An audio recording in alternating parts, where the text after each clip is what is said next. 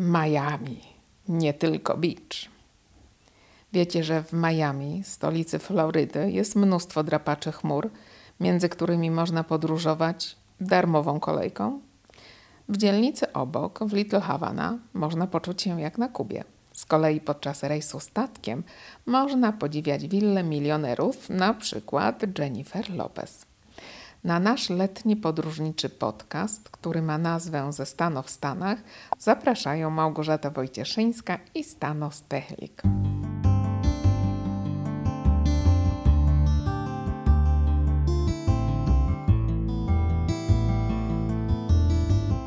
To jest podcast Klubu Polskiego.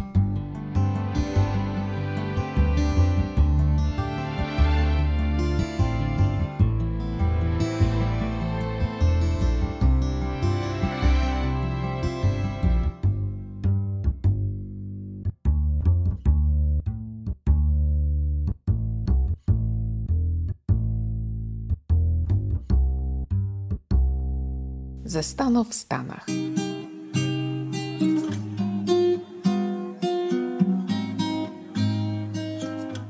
Dzień dobry. Dzień dobry. Jesteśmy polsko-słowackim małżeństwem. Ja się nazywam Małgorzata Wojcieszyńska. Obok mnie siedzi. Stano Stiechlik.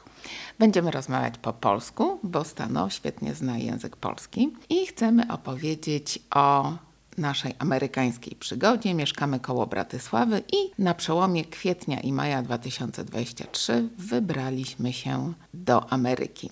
Dokąd lecieliśmy? Chyba do Miami. Chyba.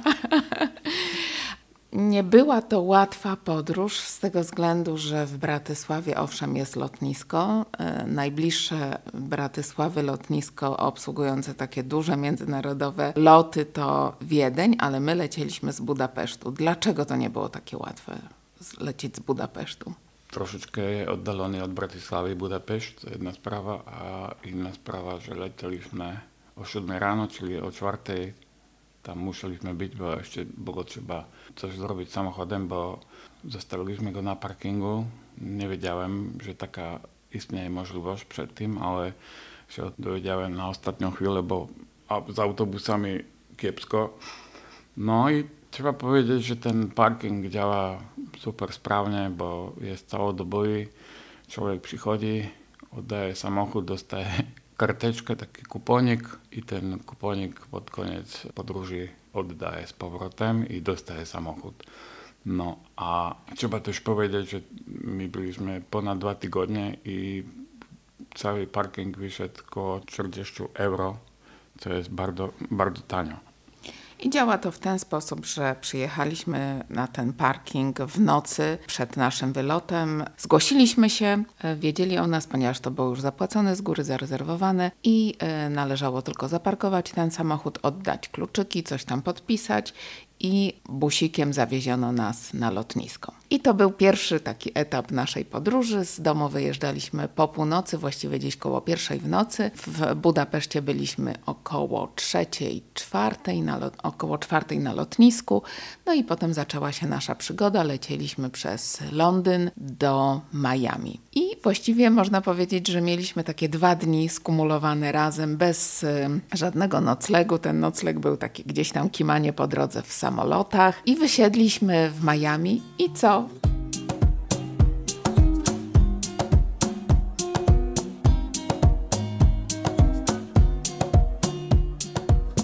Co cię zaskoczyło? Nic mnie nie zaskoczyło. po prostu było trzeba działać. No, było trzeba się dostać na hotel. Zamówiliśmy owszem samochód, ale od następnego dnia, bo taka była oferta. Oczywiście na lotnisku są różne wypożyczalnie samochodowe, ale to by chodziło o wiele droższe. No to zamówiłem samochód gdzieś na mieście, ale tam tylko było do, otwarte do 6, czyli, a my przylecieliśmy przed 6, czyli to byśmy nie zdążyli. No to było trzeba kombinować, jak się dostać na hotel busami. No i udało się. Udało się. Mnie zaskoczyło to, że nadal jest dzień, chociaż oczywiście wiedziałam o tym, że tak to będzie i że tam jest tak bardzo ciepło i właściwie człowiek ląduje w takiej atmosferze jakichś takich już wakacji i gorąca. Bo trzeba powiedzieć, że Miami jest już w tej i Floryda jest już w tej strefie tropikalnej, więc rzeczywiście było tam cieplutko, wyglądało to jakbyśmy po prostu wylądowali w samym środku takiej już jakby wakacyjnej atmosfery. Chociaż tak jak powiedziałeś, trzeba było działać. No i przyjechaliśmy do hotelu. W hotelu strasznie wychłodzone, bo klimatyzowane pokoje, więc troszeczkę nas to ostudziło. I następnego dnia rozpoczęliśmy naszą wyprawę. Doczytałam się, że samo miasto Miami ma 442 tysiące mieszkańców, ale zespół miejski Miami to już ponad 6 milionów mieszkańców. Nazwa Miami, wiesz skąd pochodzi nazwa Miami? Mm, Nie mam pojęcia. Nazwa Miami pochodzi od rzeki pobliskiej. A rzeka nazywa się tak, ponieważ wcześniejsi mieszkańcy, jakiś odłam tych mieszkańców miał taką nazwę. No i co ciekawe, za matkę Miami uznaje się kobietę, jedną z pierwszych, która stała na czele miasta. Było to pod koniec XIX wieku. Julia Tuttle wywalczyła dla Miami wszelkie wygody, wszelkie korzyści, mianowicie to, żeby pociągnięto linię kolejową w tym kierunku i inwestorzy, żeby wybudowali jakieś obiekty, hotele itd. I miasto rozrastało się po dojściu do władzy Fidela Castro w 1959 roku.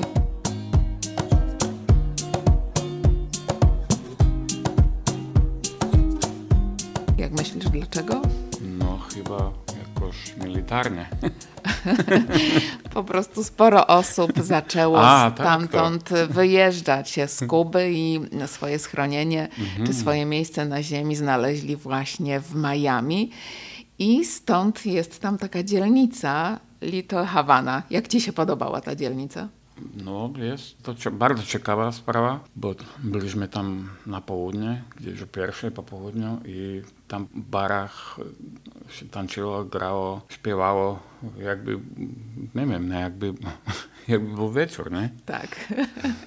no, ve, bardzo dużo wesołych kubanczyków vydržme, ale nie tylko, bo tam do tej dzielnicy chodzą ludzie z całego świata, bo to jest bardzo znana dzielnica Tak, i są tam na ścianach, na budynkach bardzo ciekawe murale, także jest tam kolorowo, czuje się tam atmosferę. Co krok widać sklepiki, gdzie są sprzedawane różne gadżety i widać Sklepiki i fajne samochodziki.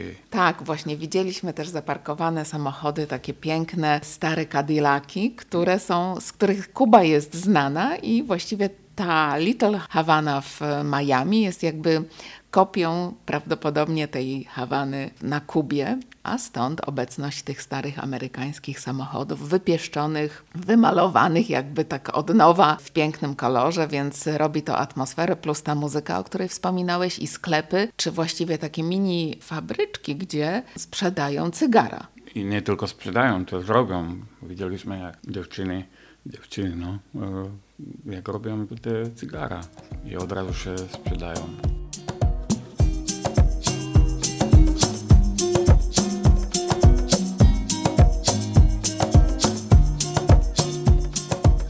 Atmosfera jest bardzo ciekawa. W zasadzie to jest taka długa, ciągnąca się ulica, ruchliwa. Żeby przejść z jednej strony na drugą stronę, trzeba rzeczywiście uważać i jakby nie ma to takiej atmosfery. Ja sobie wyobrażałam, e, że to będzie jakby takie uliczki, malutkie zaułki, a to jest jedna długa, ruchliwa ulica, na której się wszystko dzieje. My parkowaliśmy, bo to była nasza pierwsza, trzeba powiedzieć, nasza pierwsza wyprawa, kiedy pożyczyliśmy samochód i parkowaliśmy kilka ulic dalej. I to są już takie ulice jakby osiedlowe, można powiedzieć.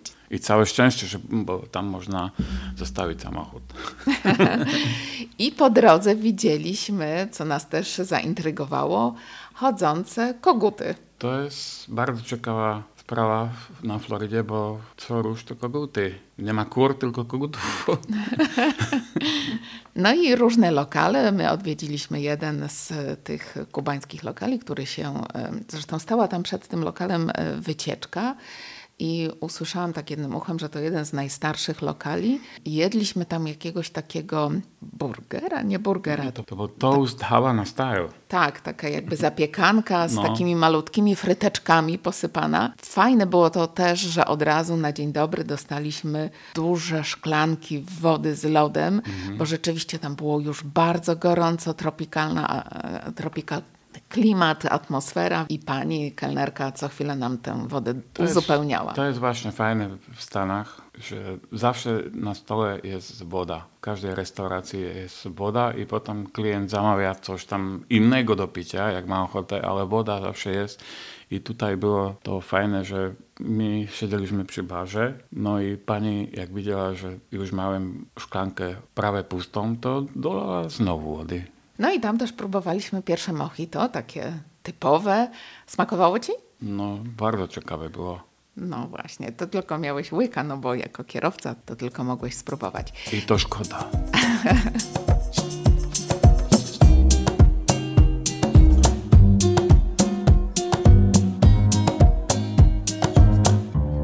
Wiesz, że z Miami wywodzi się Burger King? No właśnie. I w Miami też powstał pierwszy balsam do opalania. Został tu wynaleziony przez farmaceutę Benjamina Greena. Spróbuj zgadnąć, że w którym roku? 1900?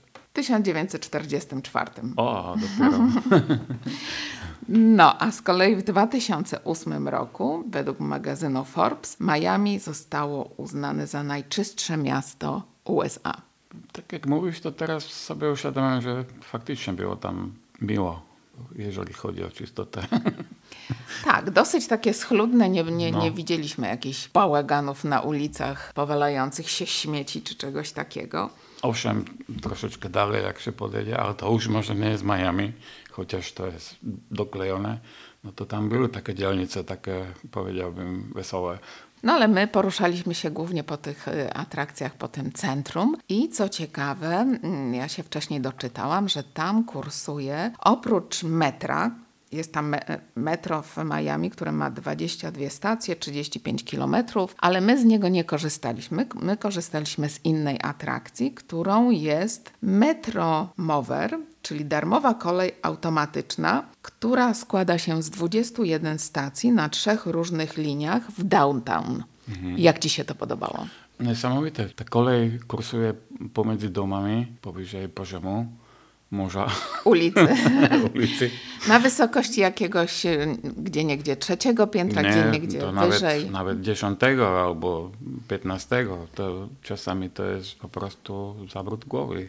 Tak, Jak- ty mówisz, że między domami, no to trzeba sobie wyobrazić, że to nie są takie zwykłe domy, tylko tu chodzi o drapacze chmur, bo to nas zaskoczyło chyba, że Miami ma aż tyle tych drapaczy chmur i jest to podobno jedno z najbardziej dynamicznych miast, jeśli chodzi o budowę nowych budynków. I rzeczywiście to downtown zmienia się e, podobno z e, miesiąca na miesiąc, z tego względu, że jest tam bardzo dużo inwestycji i jak się patrzy na to downtown, e, z, na przykład z pokładu statku, czyli z poziomu wody, to to jest no, coś na miarę Manhattanu w Nowym Jorku, prawda? No to mnie zaskoczyło, bo zawsze jak przewidzi jakieś, jakieś miasto w jakimś filmie albo w dokumencie, to tam niby są te drapacze chmur, po angielsku sky, skyscrapers, czyli dokładne tłumaczenie. No, a potem jak tam człowiek jest fizycznie, to widzi, że to jest takie małe oszustwo. No ale tutaj w tym wypadku to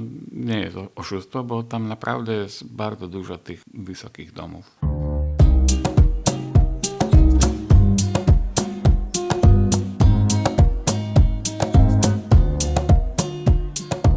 Było niesamowite, bo wsiedliśmy na początkowej stacji, z jednej strony tego pociągu, tej linii i jechaliśmy, sie- siedzieliśmy czy staliśmy z przodu. To metro jest metro, czy ten pociąg jest bezobsługowy, to znaczy obsługiwany jest automatycznie, nie ma tam kierowcy. No i staliśmy z przodu i mogliśmy sobie obserwować, sunąć jakby tak z samego przodu i obserwować te wszystkie Ja wieżowce. prowadziłem.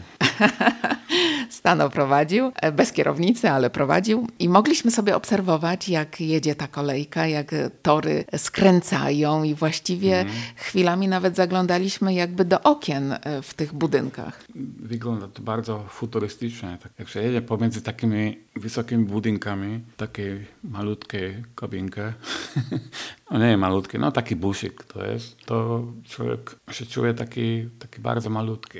I my mieliśmy zaplanowane wtedy, że przy, pojedziemy tą kolejką nad wodę, żeby potem popłynąć statkiem. Ale w międzyczasie, co ciekawe, zaczął padać deszcz i to tak dosyć poważnie, więc wymyśliliśmy coś takiego, że wysiądziemy na jednej ze stacji tego metra i akurat natknęliśmy się na takie centrum handlowe, bardzo ekskluzywne, w którym przeczekaliśmy ten deszcz. Wspominam dlatego to centrum handlowe, ponieważ to było chyba jedyne podczas tej naszej podróży centrum handlowe, które jest podobne do tych centrów handlowych, które są tutaj na Słowacji, czy w Polsce, czy w Europie w ogóle, gdzie pod jednym dachem są zgromadzone różne marki i po prostu chodzi się korytarzami z klimatyzacją i wchodzi się do sklepów z tych korytarzy na różnych piętrach. Fajne było też to, że gdzie niegdzie to zadaszenie tam w tym centrum handlowym było takie jakby mniej szczelne i mogliśmy poczuć trochę kropel deszczu na sobie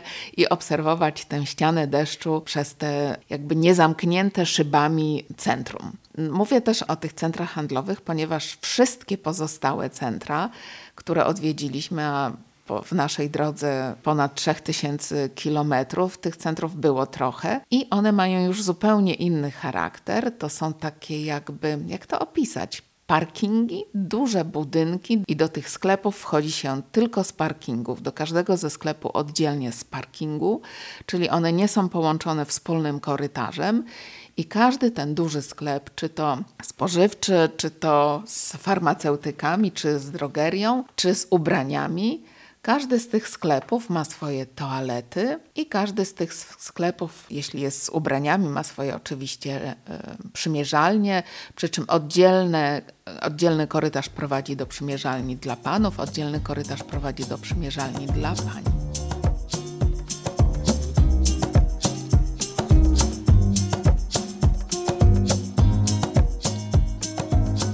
W Stanach są te budynki, wszystkich sklepów takie, takie podobne, taki piaskowy kolor, bo tutaj człowiek jak idzie do jakiegoś sklepu, to już z daleka widzi, że to jest ten sklep, bo ma jakby swój wygląd. Tutaj są takie nowoczesne, przeszklone, piękne budynki, nie, które... ale nie o to chodzi, ale po prostu każdy sklep ma jakiś swój design.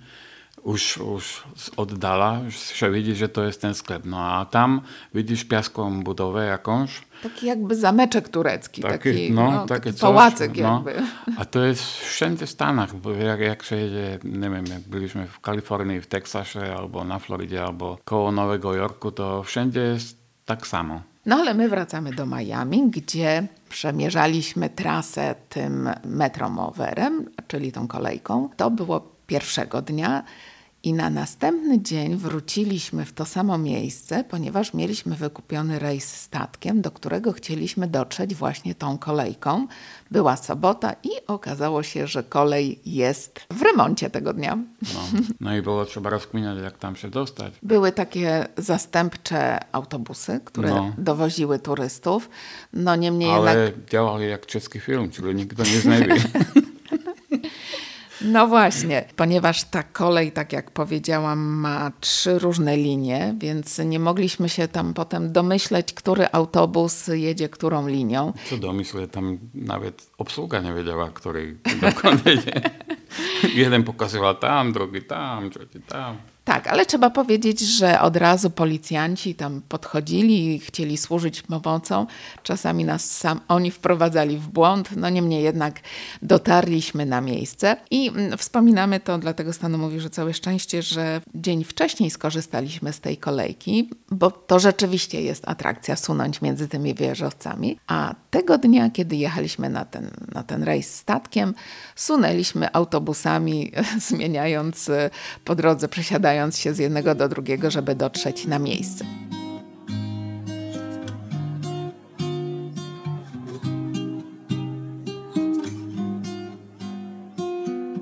Naszym celem był rejs statkiem, żeby zobaczyć No, żeby zobaczyć e, willi milionerów, ale milionerów nie było widać w ogóle. Tak, więc ten rejs jest, y, trwa chyba godzinę, jak dobrze pamiętam. No, powyżej. Nie, chyba nawet dwie godziny. Cel jest, żeby oglądać willę milionerów i w zasadzie to może nie jest aż tak strasznie ciekawe, ale A je mi szkoda tych milionerów, bo takie domy sobie postawiają, a, a potem wszyscy chodzą tam to oglądać, nie mają żadnej prywatności jakby. A nie tylko te, te, duże statki, te małe statki też tam latają pomiędzy tymi willami i oglądają. To po prostu tam się chyba da tylko wieczorem mieć prywatność swoją.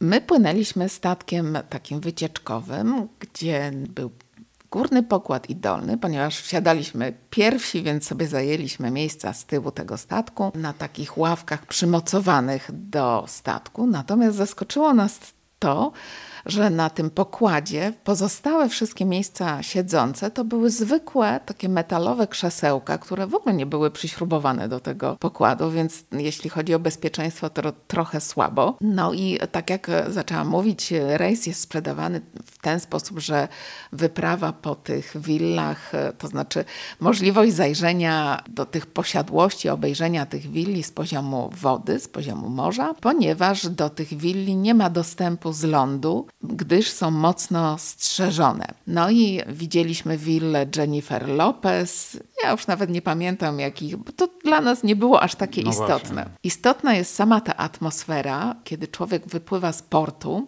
i widzi to downtown, czyli e, olbrzymie wieżowce Miami, oddala się od tego. Wspaniałe jest też to, że tam je- panuje taka frywolna, wakacyjna atmosfera z Bo to była sobota. tak bo to była sobota. Jak z filmów, gdzie małymi jachtami, małymi łódeczkami pływają ludzie, bawią się, opalają, piją jakieś drinki, więc To było, to było w sumie takie, jak, jak na takiej promenadzie. My byliśmy taki duży statek, a koło nas 50 małych statków różnych i wszyscy jechali w tym samym kierunku. Potem gdzieś to się rozdwajało, rozstrajało, ale takiego czegoś jeszcze nie widziałem nigdy. tak, to, to jakby taki pochód, pochód pierwszomajowy. Mnóstwo ludzi. Marsz statków. Marsz statków, tak.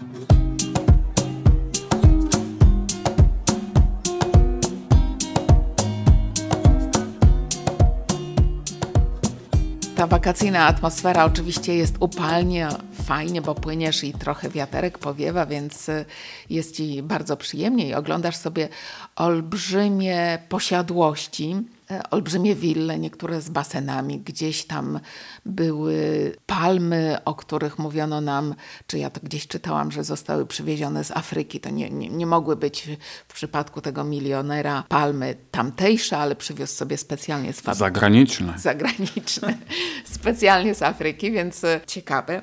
Ciekawy był też ten statek, taki olbrzymi statek.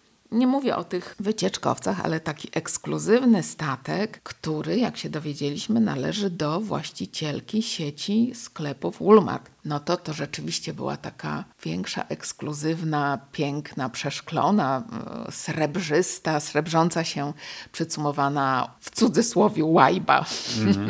Tam co chwilę konferencjer opowiadał coś i pamiętam, że a propos tego statku powiedział, że kosztował prawie miliard dolarów. No właśnie, konferencjer był przeuroczy, ponieważ mówił po angielsku i po hiszpańsku, A starał się też po włosku, ale nie wychodziło ale bardzo się starał. To taki showman, który nam właśnie wszystko e, opowiadał. Czasami korzystał z podkładu muzycznego, gdy mówił o jakimś piosenkarzu, albo gdy mówił o jakichś aktorach z filmów, no to puszczał czołówkę z tego filmu, jakby to, ten, to tło muzyczne, żeby szybciej skojarzyli daną gwiazdę.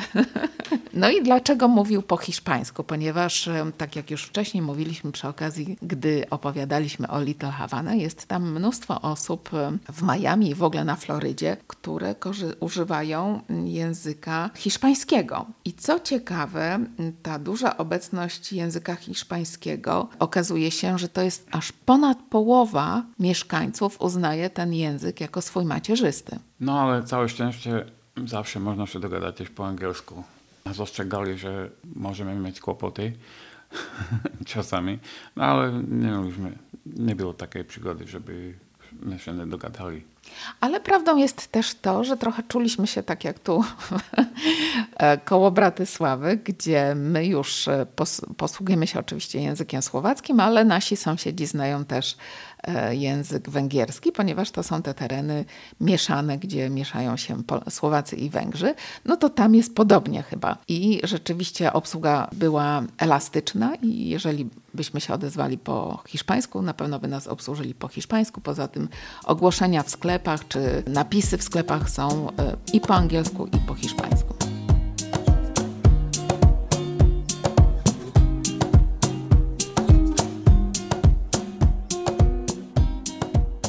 Okazuje się, że Miami Beach to jedno z najdroższych miejsc do życia w USA, a także jedno z droższych na świecie. A co ciekawe, jak człowiek tak siedzi na plaży, to czuje jak w Bułgarii. No właśnie, my pierwsze dwie noce mieszkaliśmy w Miami e, stosunkowo blisko lotniska, ale potem przenieśliśmy się do hotelu e, na Miami Beach. Znalazłeś taki ciekawy hotel. Czemu był ciekawy? Bo był nad wodą i zaraz obok naszego hotela był taki most, który się otwierał od czasu do czasu. Zwodzony się nazywa po polsku. Most zwodzony. Zwodzony? Tak. Aha, kto go zwadza? bardzo fajne widoki, chociaż pokój był taki sobie, ale jak się wyszło na, na tam był też basenik, widoki były niesamowite wieczorem, na przykład jak e, słońce zachodziło. I na Miami Beach byliśmy też dwukrotnie na plaży. Piękne, szerokie, piaszczyste plaże. Nawet nam się tam przytrafiła taka sytuacja, że to było chyba właśnie w sobotę. E, jakaś większa ekipa tubylców, tak sądzę, miała jakieś święto, chyba sobie coś grillowali. Mieli taką party, taką imprezę na plaży. My tam byliśmy już późnym popołudniem i tak się zastanawialiśmy, staliśmy e, na tej plaży e, koło wody, koło e, oceanu, gdzie, gdzie sobie tu rozłożyć te nasze ręczniki i nagle podchodzą do nas dwaj panowie z tej ekipy z talerzami. To było bardzo fajne, bo nam oferowali takie jedzonko, takie mieszane coś. Oni nam nie oferowali, bo to oferowali brzmi jakby nam chcieli sprzedać. Nie, Oni nam no, podarowali. podarowali. Podarowali, poczęstowali nas swoim posiłkiem. Prawdopodobnie mieli tego więcej i na talerzach... No tak powiedział facet, że mają za dużo mhm. i żebyśmy byli taki laskawi. I, i... I skonsumowali. Więc skonsumowaliśmy. Co tam było, pamiętasz? Bo to było chyba właśnie coś Wszystko hiszpańsko... takie różne. Mhm. Ale, Kubańskiego chyba. No, mhm. takie mięsko, jedno, drugie, jakaś fasolka. Tak, warzywa tam no. były i taka tortilla, czy jakiś taki placek. O, ten pod spodem był. E, wszystko to było posypane parme, parmezanem i były tam też nie kraby, ale krewetki. No bardzo smaczny posiłek, więc a ponieważ my mieliśmy w planach potem po tym plażingu udać się jeszcze gdzieś na, na coś do jedzenia, więc nie musieliśmy, ponieważ zostaliśmy poczęstowani. Jedzenie przyszło do nas. Jedzenie przyszło do nas, ale to było bardzo miłe. No i sporo ludzi było na plaży i fajne są tam też te budki ratowników. Takie fajne, kolorowe. Śliczne, kolorowe i tam zauważyłam... Każda, każda inna. Tak. Każdy inny kolor. Tak, tam na, tym Miami Beach, nie wiem czy wszędzie tak jest, ale tam na tym Miami Beach każda budka miała inny kolor. I to jest takie fajne, no bo w zasadzie to też tak optycznie człowiek zapamiętuje, gdzie się umawiać albo gdzie... gdzie... Koło miętowej budki na przykład. Tak, tak, tak. No. I one są takie urocze, tak jak z filmów, jakie znamy z filmów, pół żartem, pół serio chyba też tam były takie budki. Albo Baywatch. Tak, Słoneczny Patrol.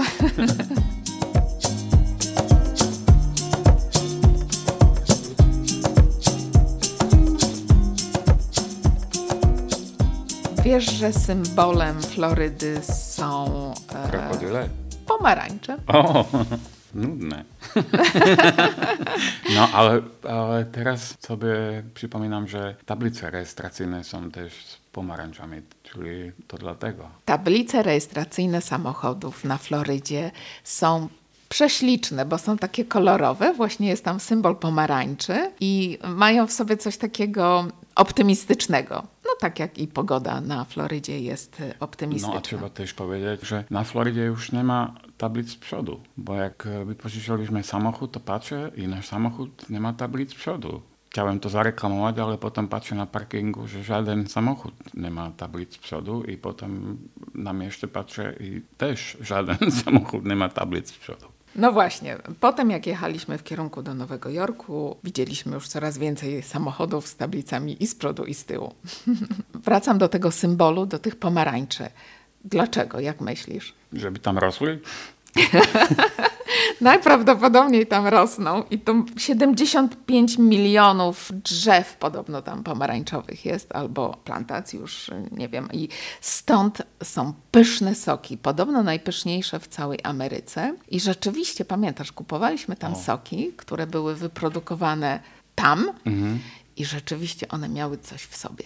Jeszcze jakbym wiedział, że to symbole z Florydy, to by były jeszcze smaczniejsze. Wspomniałeś się te krokodyle, więc na Florydzie jest ponad milion aligatorów podobno. Nam nie było dane zwiedzić jakiejś takiej, e, wykupić sobie takiej wycieczki e, Krokodylowej? krokodylowej, bo są takie wycieczki. Nawet się zatrzymywaliśmy gdzieś tam w trasie, żeby to obejrzeć. Niemniej jednak e, mieliśmy trochę mało czasu, więc to sobie zostawiliśmy na przyszły raz, ale zapewne czasami słychać takie wieści z Florydy, że jakiś krokodyl czy aligator zjadł kogoś, czy, czy coś takiego. No, dochodzi czasami do takich wypadków, bo one są w miejscach, gdzie są mokradła i niefrasobliwi turyści czasami tak bardzo chcą sfotografować te zwierzęta, że stają się ofiarami.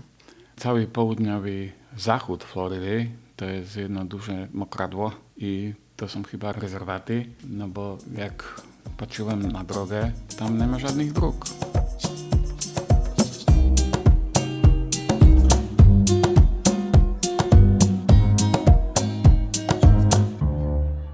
Wiesz, ile mieszkańców ma Floryda w ogóle? E, 20 milionów. 21 milionów. Dokładnie? Tak, 20. O, dobry jestem. Intuicja mnie zawodzi. Tak. I co ciekawe, kandydaci na prezydentów bardzo często y, jeżdżą, amerykańskich prezydentów oczywiście, bardzo często udają się również na Florydę, żeby I potem tam zostają niektórzy. No tej willi nie widzieliśmy. No. To już w ogóle nawet nie z poziomu wody się nie da obejrzeć. Więc y, ci kandydaci na prezydentów bardzo często jeżdżą, udają się na Florydę, żeby zabiegać o głosy mieszkańców. Jak myślisz, dlaczego?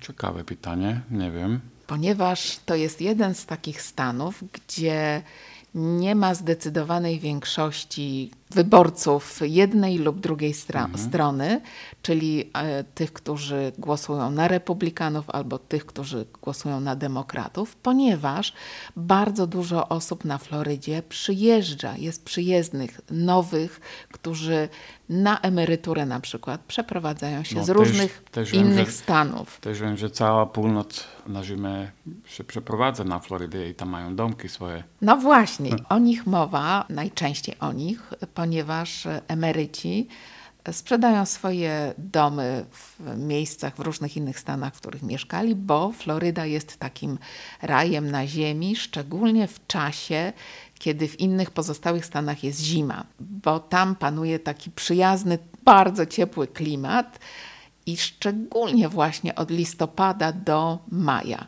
Dlaczego wtedy jest to takie najfajniejsze, jak myślisz? No bo tam jest ciepło.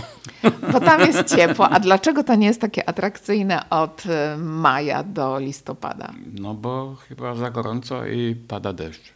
Tak, tam jest zagrożenie huraganami i e, już w maju, czy w maju najczęściej rozpoczyna się ten okres taki deszczowy i my mieliśmy taką możliwość przeżycia na własnej skórze I całe szczęście w samochodzie. Takiego ulewnego, bardzo ulewnego deszczu.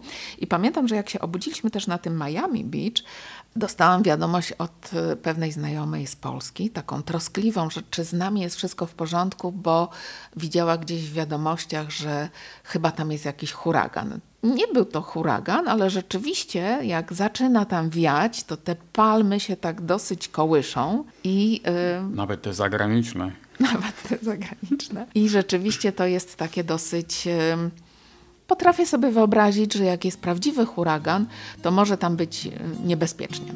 No nie chciałbym tam wtedy być.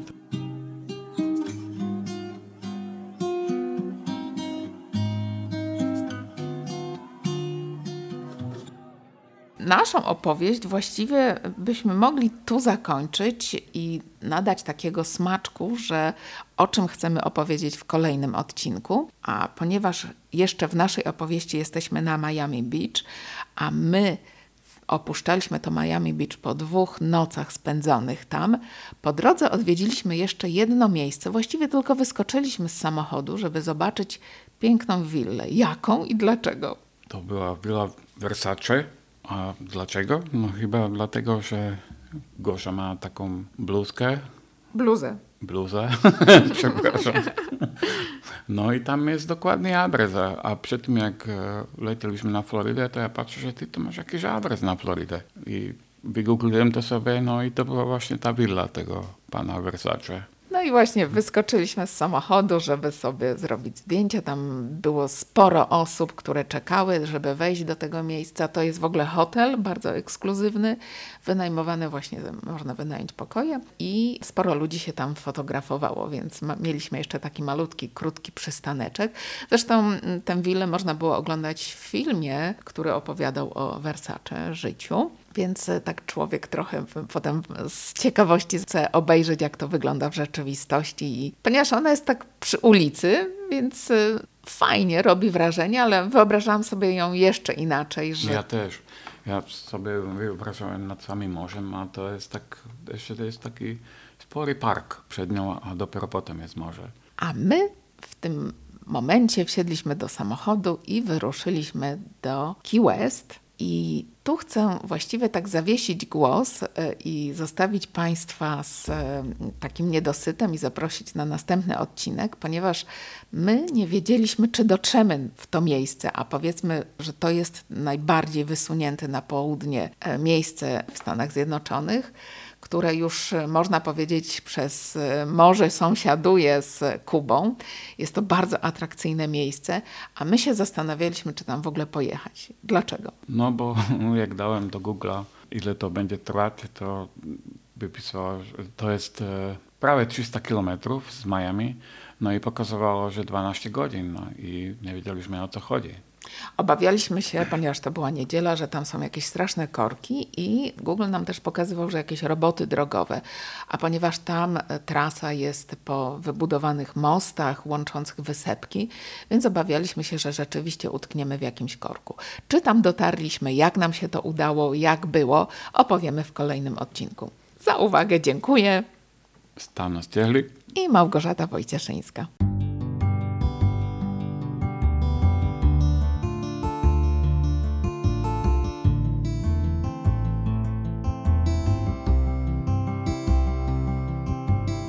Podcast wyprodukował Klub Polski na Słowacji z finansowym wsparciem Funduszu Wspierającego Kulturę Mniejszości Narodowych.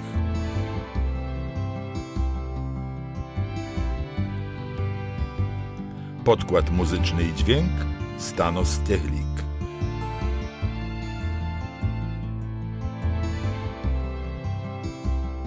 Zapraszamy na kolejne odcinki podcastów Klubu Polskiego.